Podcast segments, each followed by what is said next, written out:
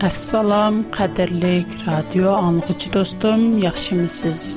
Mən Isil Sovqatlar proqramı sarqılıq sizlər bilən yüz görüşüb kilvatqan hürriyet.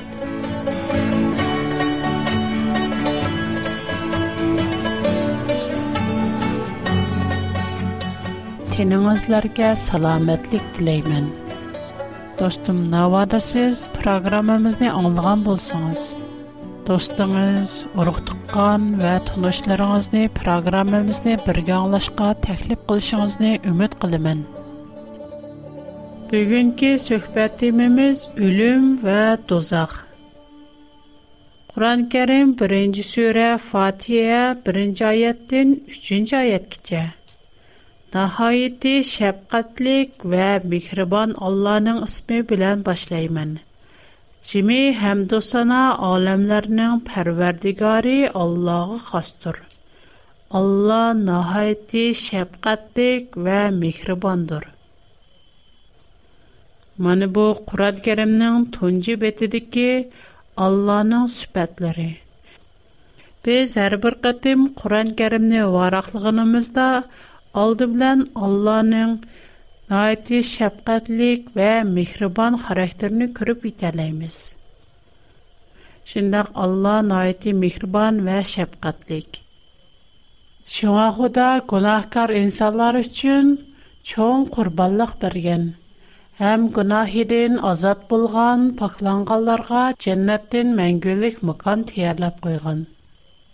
Төвәндә мен кадерлек Мүкәддәс китап Инҗилнең Луқа баян кылган хуш хәбәр кысмы 16нчы баптын бер тәмсил укып бирәй. Бай белән тилемче. Хәзер тәйса диде. Буронларда даим хәшәмәтле киемләрне киеп, әйше ишрәтлек тормыш кечерәдгән бер бай үткән икән. Яна бүтән әзайыны җарахат бисеп кеткән, Lazar isimlik bir tilamchi бар bar ekan. уни uni boyning dastxonidan oshgan narsalarni terib yeb, jon bog'sin deb, уни uni boyning ishik oldiga akilib qo'yadi ekan. U yerda yotganida hatto ishtlar kelib, uning yaralarini yalaydi ekan. bu Париштилар уни ченнетке илип кирип, Айждадымыз Ибрахимнан бағырға ят ұзыпту. Унамдинкин баймойлып кидыпту, Ярлике қойлыпту. У, у дуниада қатты қазап чикипту. У бешіні кудырып, Хирах бірджайда Айждадымыз Ибрахимни, Ва унан енедики лазарни кирип, И бовам Ибрахим, маңа рахим кылгай сән, назарны әвәт кәсән. У бармыгының учы белән су төметеп, тилемнән намдап койгай. Чөнки мен бу ат ялкынының içидә интайын азатлымадым. дип вакырапты. И огылым, дипты аجدабыз Ибрахим, Hayat vaqtında halavətli yetkiç gördün qo. Lazar bolsa həmmə cəpanı tartdı. O əmdi bu yerdə rahat görüvatıdı. Sən bolsan azablanıvatısın. Onun üstügə ikimizdən arısını tigi yoqan ayırıb duruydu. Şuna bu yerdin sən durğan yergə berişmə mümkün О ерден, бу ерге килешме мөмкин эмес. Бай моңдах дапты. И бова, моңдах булса Лазарьне атамның үйге әвәтшиңизне өтенемән. О ердә менә 5 хәрендişм бар. Оларның бу азап оҡыбатлыгә керге калмастыҡучн, оларне аҡҡаһландырып ҡойсон. Керэндәшләренә Муса ва башка паягъамбарларның агахландыручлары бар. Улар шуның өчен тептө эш дәтemiz Ибрахим. И повам Ибрахим тептө бай. Бук бай кылмайды. Улар бәх тәрсә. Кергәр үлгән берәр адам терелеп, уларның алдыг барса, Улар төвү кылып, тугры юл гымаатты. Ләкин Ибраһим, Ибрахим унанга Улар Муса ва башка пәйгамбәрләрнең сөзенә аңлымаса, өлгән адам терилсымы, ишенмәй дәптө. Юқурдым мин өлем тогırlык бер тәмсилен окып беттем. Бу тәмсилен мен кино Мән мушу тэмсил нокват қынымда, бәлкім, бәзі достурум, тозақ білян, кеннеттікілер өз ара алаа қылыш алайду, даб ойлап қалған бұлшы мүмкін. Амилият онда қымас. Ахсийча, бу тэмсил тозақ білян, кеннетт уттурсида, айчықанна алаа қыну йохлықыни. Тозақтин кеннетке, кеннеттин тозақка баргыл болмайдығалықыни инақ көрсіп бұрды. Bu təmsildəki dozaq bilən cənnət oturistikə han xuddi asman bilən zimin oturistikə boşluq oxşaş, naidi çəksiz. Şoğa dozaqdan keyin cənnətə beriş əsla mümkün əməz. Bu təmsildəki savaq mündaq. Xudanın sözü bolğan müqəddəs kitab təvratqa şənməgən, peyğəmbərlərinin aqaqlandırışını anlamğan. yoki xudoning so'ziga ishendik payg'ambarlarning ogohlantirishini anglidik yana muqaddas kitob tavratga ishendiq deb turib xudoning so'zi bo'yicha muqaddas kitob bo'yicha ish ko'rmaganlar do'zaxga bordi ularga mayli qanchalik cho'ng mo'jiza ko'rsatilsin yoki kitobning ishonchlik to'g'ri ekanligi qanchalik inkor qilg'usiz darajada isbotlansin Əgər onlar inkar qilishni xalasa, şənməyveridu. Hər xil bahanalarını tepib toqub çıxıdı. Xuddi Qur'an-Kərim 35-ci surə Fatir 25-ci ayət. Onlar seni inkar qılsa, onlardan burun ötən ümmətlərmü inkar qılğan. Peyğəmbərləri onlara roşən möcüzələrini, səhifələrini, «Таврат инжилдек норлог китапларни элип келді» дейрілгінедек.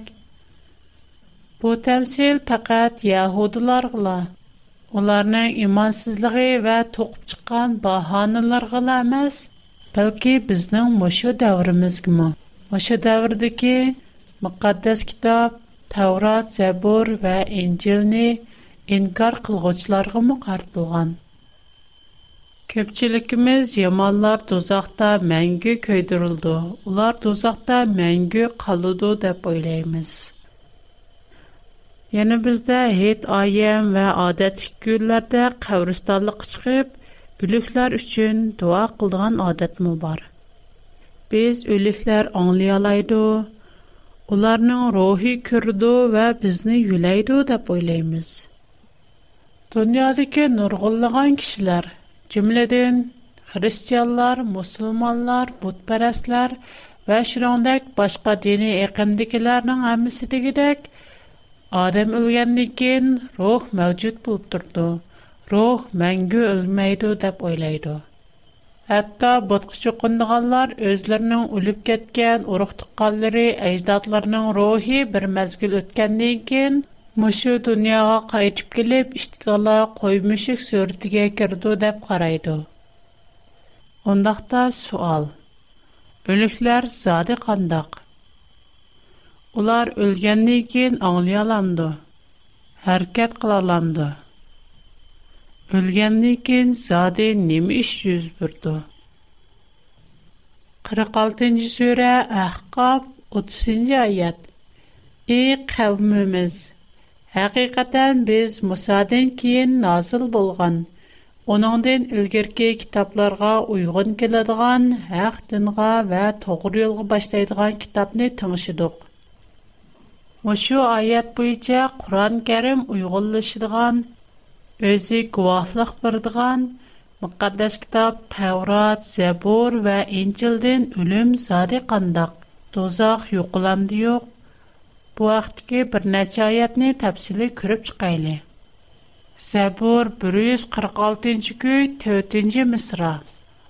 Улар өлеш белән ла топраğa айылынып китедо. Уларның мәсләһәтләре шу күндә бербат булды. Бу аятның мәнисе неме? Бу аятның мәнисе Таврот әлеменнән 3нче бап 19нче аят. Топының яратылдыгы Шоңа яна топуға қайтсан дейілгенедек, адам өлгенден кен топуға сыңып кетіду. Шындақла адамның барлық шәркеті әм ой пікірі йоқ чықыды. Таврат Сулайманның панди нәсиятлері 9 бап 5-6-10 айет.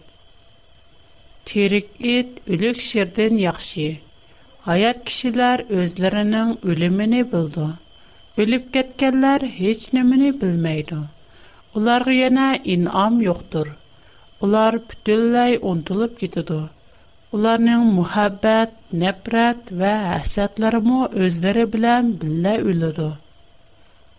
Quyoshning tegida yuz bergan ishlarda mangi ularning hasadlari bo'lmaydi. Har qandoq ishni qilganingda terishib ishla, chunki oxiratda ish yo'q.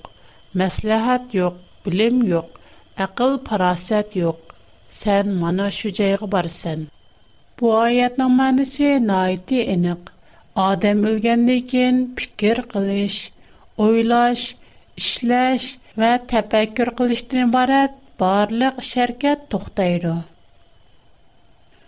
misol bir odam uxlayotganda agar u tush bo'lsa qattiq uxlagan vaqtida atrofida nemishlarning yuz berganligi ham yuz birdig'anligini bilolmaydi ham tafakkur qilolmaydi balkim u tush ko'rgan bo'lishi mumkin biroq bu tushlarmi uni xohishi fikri bo'yicha bo'lgan emas odam o'zining qandoq tush ko'rishini kontrol qilolmagandek uxlagandimi o'zining fikrini kontrol qilolmaydi yəni uxlaş cərəyanında oylaya almaydı. Adam ölgəndən kən xuddi uxlayatqandək ularda heç qandaq təfəkkür, sizim, oylaş olmaydı. Onlar yana anlaya almaydı, kürə almaydı. Hər qandaq iş qıla almaydı. Ахыркы заманда барлык адамлар терилдирилгәндән кин, уларга өзенең кабридә торган вакыты найти қысқа білінді. Куран кәрім 23-ші сүрі Мойымының 111 аяттен 114-ші аят кіче.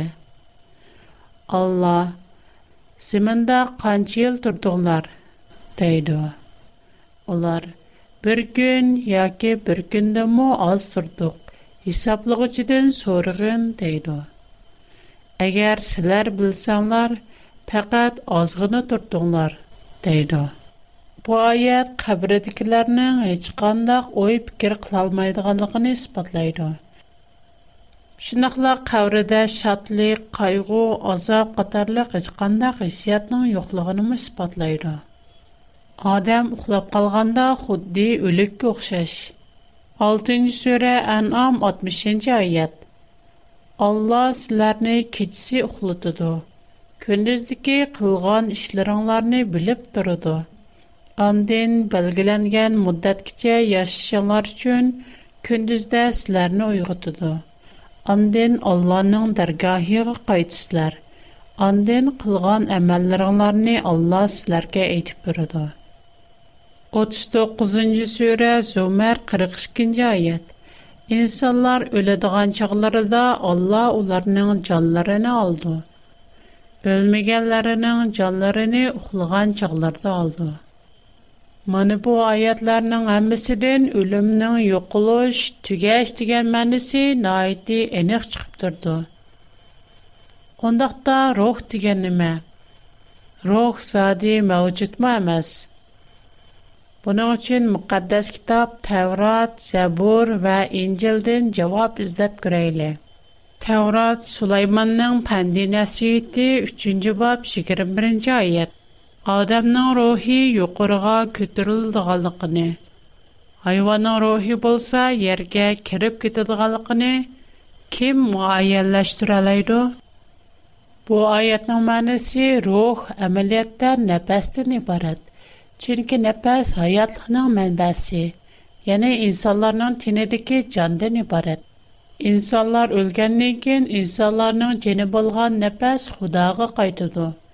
Çünki Xuda insanların hayat yaşışı üçün nefesni bergen.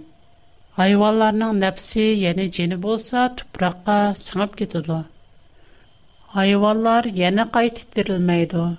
Şuğa onların ölümü bilen tan onların jeni hayatı tügeydi. Biznin bu tinimizning çirip tuproqqa Cənimiz və nəfsimiz bolğan ruhimizdən bolsa Xudaya qaytdığanlığa qədər Sulaymanın pəndi nəsihətləri 12-ci bab 7-ci ayədə mündəq deyilən. Tinimiz tuprağa qaylanıb, ruhimiz can bərgən Xudanın ilkigə ötüdü. Təvrat Ayıb 27-ci bab 3-cü ayət Hayatım tinimdədir. Çünki Xuda ata qılğan hayatlıq nəfsi Муша аятта рух, аятлық напси деп аталған.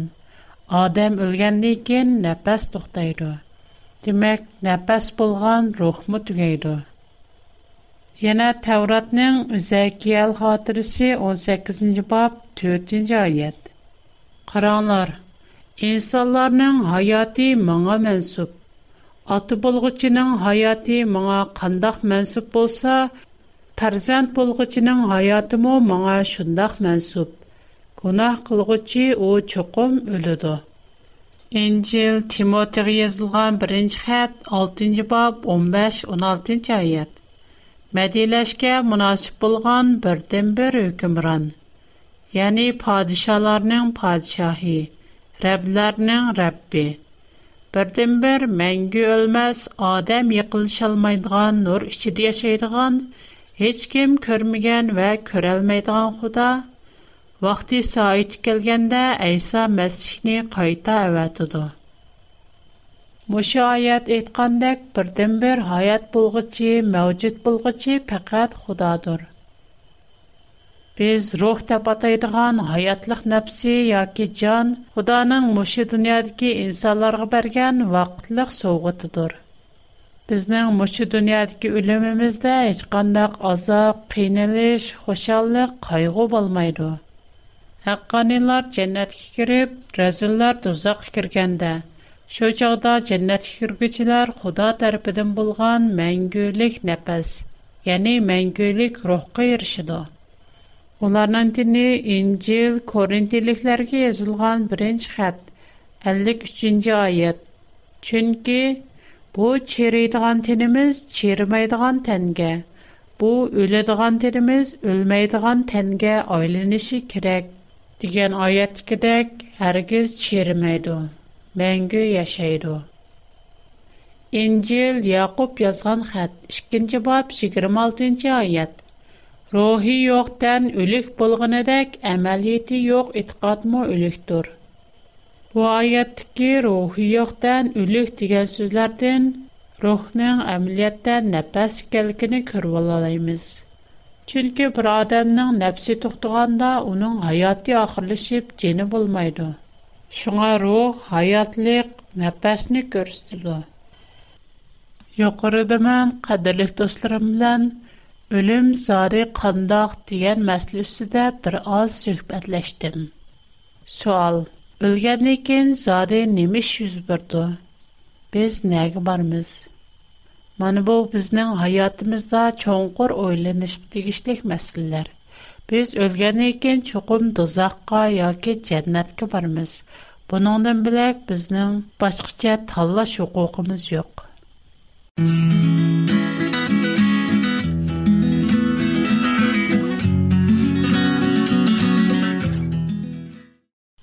Ондақта тозақ қандақ жай.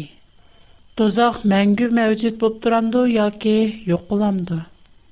Бұның үшін еніла қадірлік достырым білен мұққаддес кітаптың жауап іздеп күрейлі. Инжил Яхуданың мәхтубі 7-ci аят. Содом, Гомора вә бұларның атырапыдекі шәһәрләрінің қалқымы өздеріне зинақ орларға джинси və qeyri-təbii şəhvanlıqlarga qoyub bərdi. Məngülük otda küyüş cəzasını tartıyotqan bu şəhərlər həmmə adam ibrət ilişq digişlik ülgülərdir. Burun dostlarım bilən Təvrat aləminin yaratılışı 19-cu babdın Sodom və Gomora şəhərlərinin vəyran qılınışını görüb ötkən edim. Hazır qədərlik dostlarım bilən bu məzmunni əsləb ötəyli. Tuyuqsiz Pərverdigar Sodom bilən Gomora şəhərlərə osmandin ot bilən göngürtni yağdırdı. U bu iki şəhərni, bütün tizlənlikni və bütün əhalini yerdəki giyahlar bilən qoşub xarabilikqa aylandırıvətdi. Qarimdəki bu iki şəhər hazırmı məngülük ot köydürülvatamdı? Əlbəttə ondaq emas. Bu məngülük otning mənisi məngülük yoxuluşdur. Həm bu iki şəhər uçurğan cəza dozaqның misali. Dozaq naiti uluq otdi köydürülüb külgə aylandırıldı. Tevrat Malaki kitabı 4-cü bab 1-ci 3-cü ayət. Bütün qovumlarının sərdarı Rəbb şundaq dedi: У күне йетеп килүшке аз калды. У чата бүтән тәкәббур ва яманлык кылгучылар бугъдай самнадә көйдүрүлде. У күне улар коймай көйдүрүтілде. Мен тәбир кулланылган күне силәр яманларны аяқ асты кылсынар. Улар силәрнең аяқ астындагы чаң тузанга охшаш булып калды.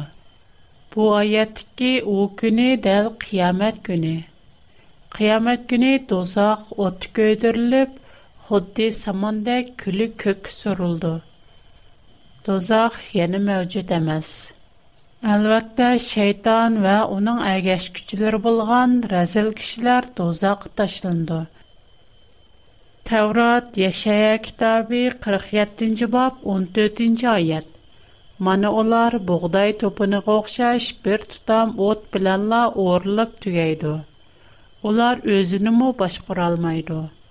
Олар отның қызықығы чедімайды. Бу от әргіз өйіне істедіған аз от әмес.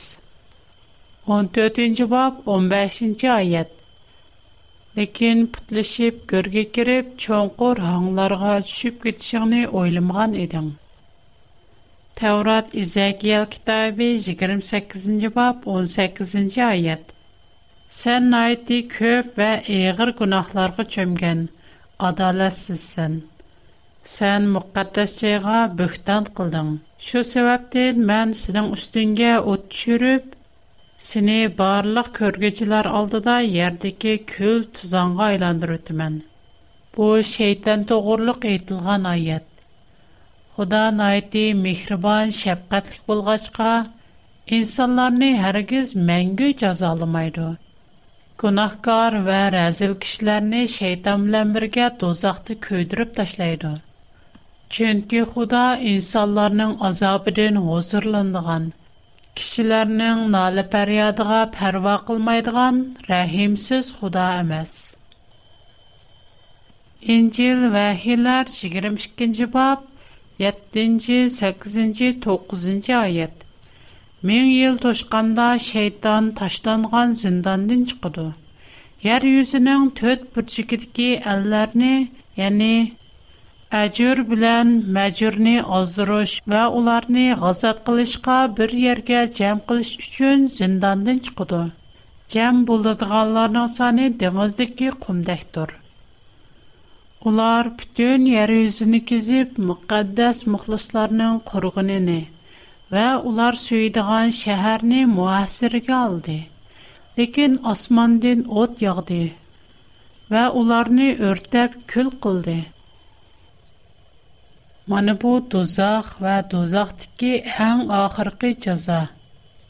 Qur'on-Kərim 1-ci surə Fatihədə aytılğandək Allah nəhayəti şəfqətlik və mehribandır. Bir adamın həyatı çəklik Әмма Худа болса чексіз. Оның башланышы ва ахырлышы юк. Біздің hayatımız xuddi shu cheksizlik ichidagi bir chekitga o'xshaydi. Agar bir kishi gunoh o'tkazgan bo'lsa, yoki mening mushu dunyodagi umrimda gunoh qilgan bo'lsam, qiyomat kuni Xudo meni do'zaxga tashlab, мәңгілік отта мәңгі көйдірсе, о яна адыл Худамы? Оның мехрибанлығы нәді? Mən şu çəklik həyatımda düzgən günahım üçün çəksiz vaqt cəzalanışqı tikişdikmi? Bir adamın məşu dünyadakı ömrü bəlkəm 70 yaş yoki 100 yaş ətrafında buluş mümkün. Amma Xuda aləmni bina qılğanda tərtib hazır 6000 il vaxt ötdü. Şuna bir adamın məşu bütün cəryanlı həyatı faqatla bir nöqtə. мәңгүлік кичілкі кичіккіні бір қары чекітіне чықыру түш үшін мәңгі жазалаш лазым әмәз. Чәклік нәрсі үшін чәклік жаза күпайы. Günahkar insanların kıyametteki cezası Xudanın mihir şapkıtını ayan kılıp durdu. İnsan oylap yetelmeyenini Xuda oylap yetudu. İnsan öç görgenini, yaman görgenini Xuda yenile yaxşı gördü. Gerçi insan rəzil, günahkar, ölüşkə tegişlik bolsunmu, Xuda yanala onu yaxşı gördü. Xudanın öçkürdüğünü adam emas, bəlkə günah. Şeytan bizga Xudo to'g'riliq, mushanda qo'rqinchliq va yomon tushunchalarni berdi. Agar biz Xudoni gunohkorlarni mangu jazolaydi, mangu dozoq o'tida kuydirdi deb o'ylasak, Худаанын мехрибан характери мустабитликке бормолонду. Кадирлик достум, Худа сизни ва мени жакшы көрдү. Биздин бу дүйнөдөгү өлүмүбүз ар кез жазалаш эмес. Биз өлгөндөн кийин найти тинеч жам хатырчам. Эчтимини сезмейбиз, эч кандай тафаккурубуз жок. Шундайлар көпчүлүгүбүз ишенгендек, рухимиз мавжут Başqalarga yarı yölək bulanmaymız. Ülük haman ülük. Teriklərinin ülüklərdən qorxışı hacəsiz. İnsanların ikinci qətəmlik ölümü dəl dozaqdır. İnsanlar qiyamətdə terildirilgəndən keyin Rəzillər dozaq bilən birlə köydürülüb külgə aylandı. Ular yenə qayıt yaşaya almaydı. faqatla xudo jannat va xudoning nijotligiga erishganlarla jannatda mangu yashaydi u yer gunohlardan xoli pok joy qadrli do'stim kelar qatim sizning programmamizni yana ziyorat qilib kelishingizni orzu qilaman sizning xatingizni topshirilish mening xushalliqim mening to'r adresim hurriyat at bigfoot.com. Менің хат адресім A W R P O Box 310. Менің қазіше хат адресім Шанган Юджин Зунджи 310-ші нөмір. Хош, Худаға аманын. Қайт көрішкіте аман болуң.